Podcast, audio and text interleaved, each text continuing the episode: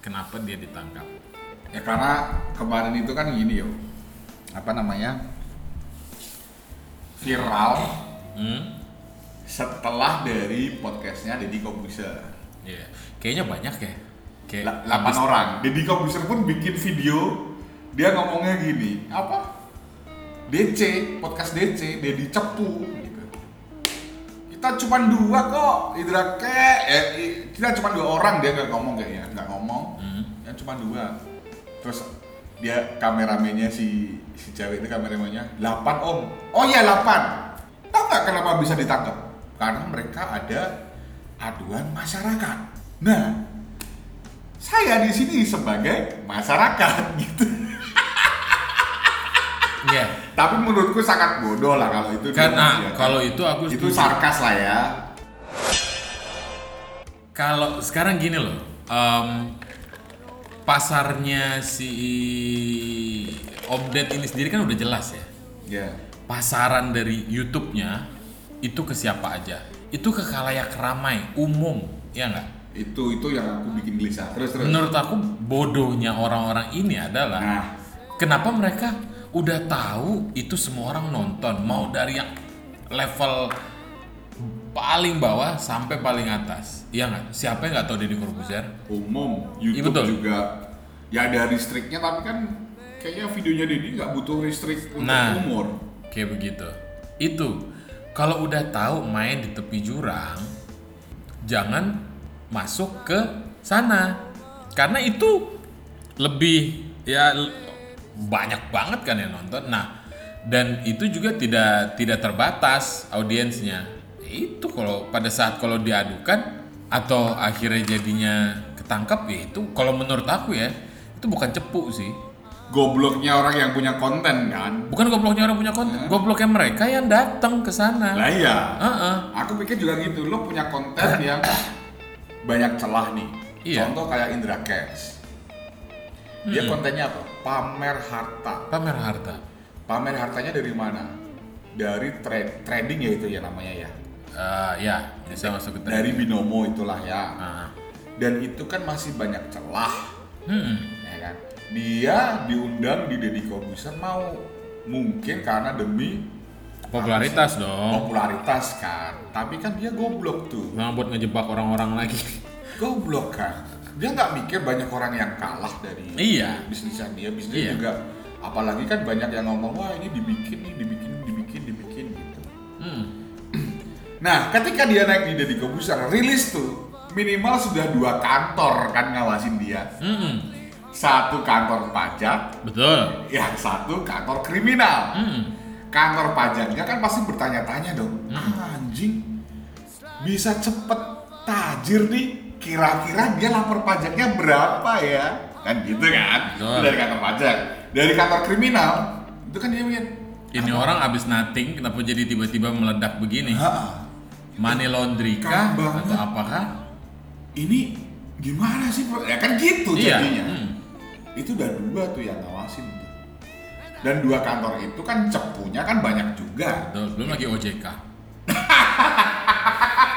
iya dong. Karena kalau dia ngomong itu dari trading, trading itu di bawah OJK semua. Makanya itu. Iya. Ya, itu kan pasti dicari tahu. Hmm. Apalagi dia pamer waduh beli mobil kayak gitu. Yo itu tengah malam lagi nggak tahu mau ngapain, akhirnya beli Tesla gitu. Terus dia udah tahu jualannya itu selakangan. Mung- Eh. mungkin Apa sih yang dipikirin sih? Gitu. itulah aku mikirnya tuh bodohnya adalah kayak gitu. Maksudnya pertama OnlyFans saja itu udah diblokir di Indonesia. Nah, Buat masuk OnlyFans kita harus pakai VPN. yes. Berarti kan dari awal itu udah jelas diblokir, tidak boleh. Apakah YouPorn, apakah Xvideos, apakah RedTube bisa dibuka dari IndiHome? Nggak bisa. Gak bisa. Kenapa? Karena diblokir. Nah, aku kan mikirnya gini yo. Dia ju- dia jualannya kontennya seperti itu. Mau ke Deddy Kobuser bahkan ngeliatin dari handphonenya tentang adegan-adegan syurnya atau maupun foto syurnya Ah, gitu kan. Nah, itu kan udah udah pasti dilirik tuh betul. sama kantor kriminal tuh. Yoi. Apakah dia ini tidak belajar dari para pendahulunya dengan konten yang sama Betul. bahwa sebenarnya urusan selakangan di Indonesia itu adalah Kenceng banget. kenceng banget semakin di depan seperti motor Yamaha ya kan Yoi, ya maaf ya. ya maaf jadinya kan kayak gitu Iya, itu itu karena pada saat ya kayak setelah aku lihat di di di Yahoo penasaran, aku nggak tahu pada saat aku lihat kontennya, ya iya pantas lah. Sekarang kak, kalau misalnya dia cuman jualannya adalah eh, di OnlyFans, cuman diem aja ada pakai lingerie, Hmm. dia cuma pakai lingerie, terus pakai eh, misalnya pakai ya baju-baju seksi apalah yang yang memang lebih tipis atau Ya. lebih kecil ya kan daerah yang ditutupinya daerah yang di covernya lebih kecil daripada orang kebanyakan selagi masih ditutupi menurut aku no problem karena itu memang ya masih masih bisa diterima sih. tapi kalau udah kebuka kayak gitu nggak usah nggak usah yang di adegan seksnya yang dia kebuka aja itu udah udah udah salah Nih masnya habis ngeliat videonya ya pasti. Iya kan mau nggak mau kan harus riset.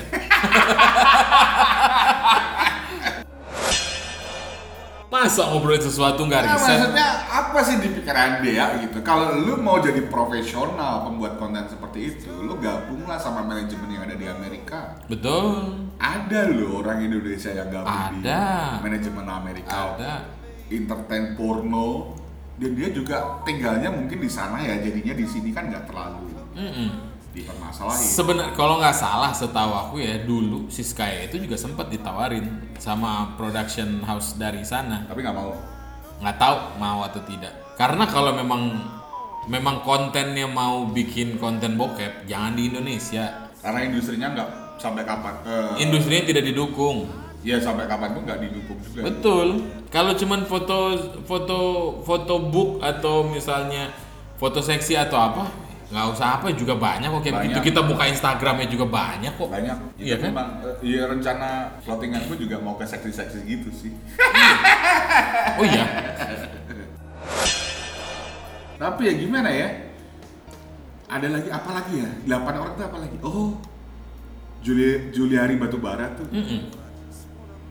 Iya kan? itu nggak tahu ya itu itu kayak mungkin lawan politiknya ya kan ngelihat gitu kesuksesan dia di partai ini gimana gitu gitu Betul. Terlalu lancar. apalagi itu di politik gitu Politik lebih serem lagi lebih dong. seram lagi Tapi ya itu sih makanya maksud aku kayak kalau kalau kita lihat di beberapa kasus yang sudah terjadi deh di Indonesia.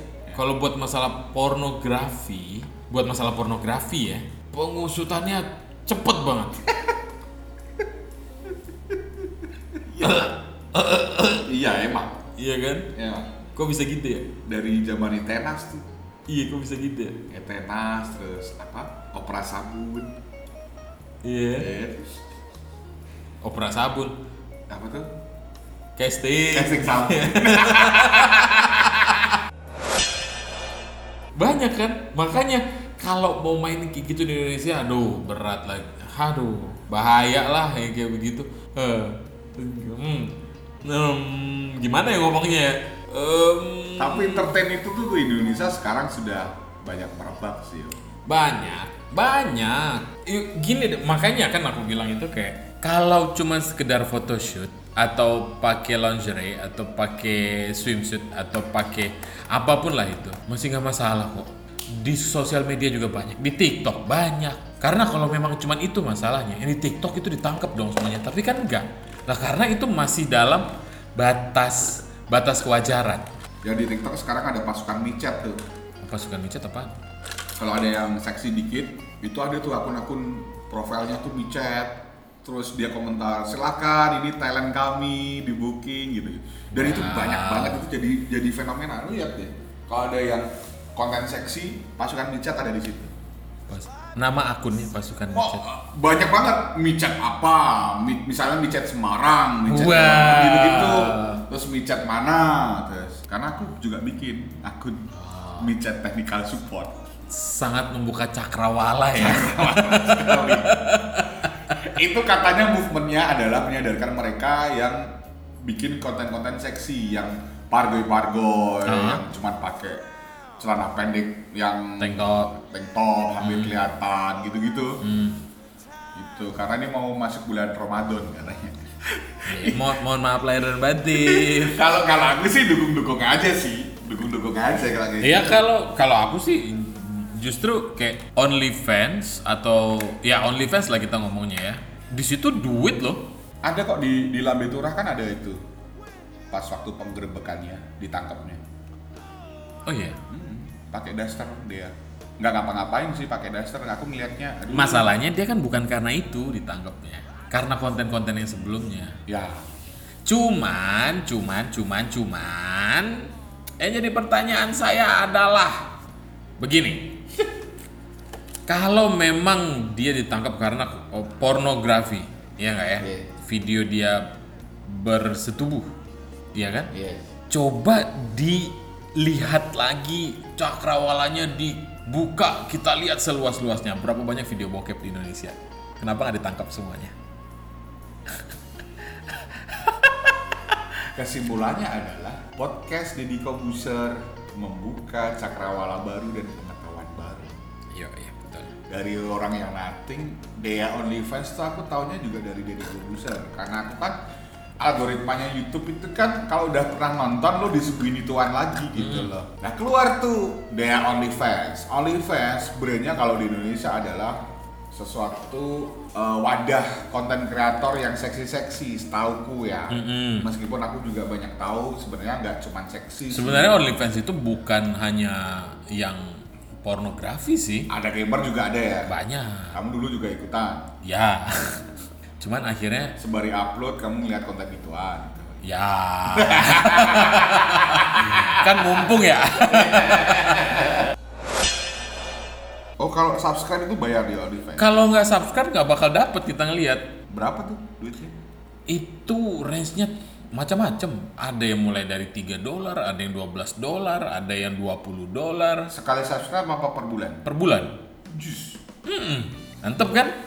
Ya, nggak usah kerja bikin konten aja. Eh gila. Jadi eh, bahkan ada saudara kembar pernah dengar nggak? Cornell Twins, Cornell Twins. Nggak. Saudara kembar orang Indonesia tinggalnya di Australia. Mereka bikin akun OnlyFans. Mereka beli rumah dari OnlyFans. Oh ya? Dihadiahkan untuk orang tuanya. Dari konten, Dari duit dari OnlyFans. dia kontennya apa tuh? Bokep sama. Tapi apa? Mereka pintar. Mereka tinggal di luar negeri. Langsung ya. Hmm, jelas. Ya potongan pajaknya gede dikit nggak apa-apa lah. Jadi untuk kalian yang pengen punya konten bokep, jangan tinggal di Indonesia lah Betul. ya. Saran dari kita ya. Betul. Menghindari namanya penangkapan seperti itu. Betul. Atau nggak lebih gampangnya kayak gini. Hindari interview bareng sama Om Deddy.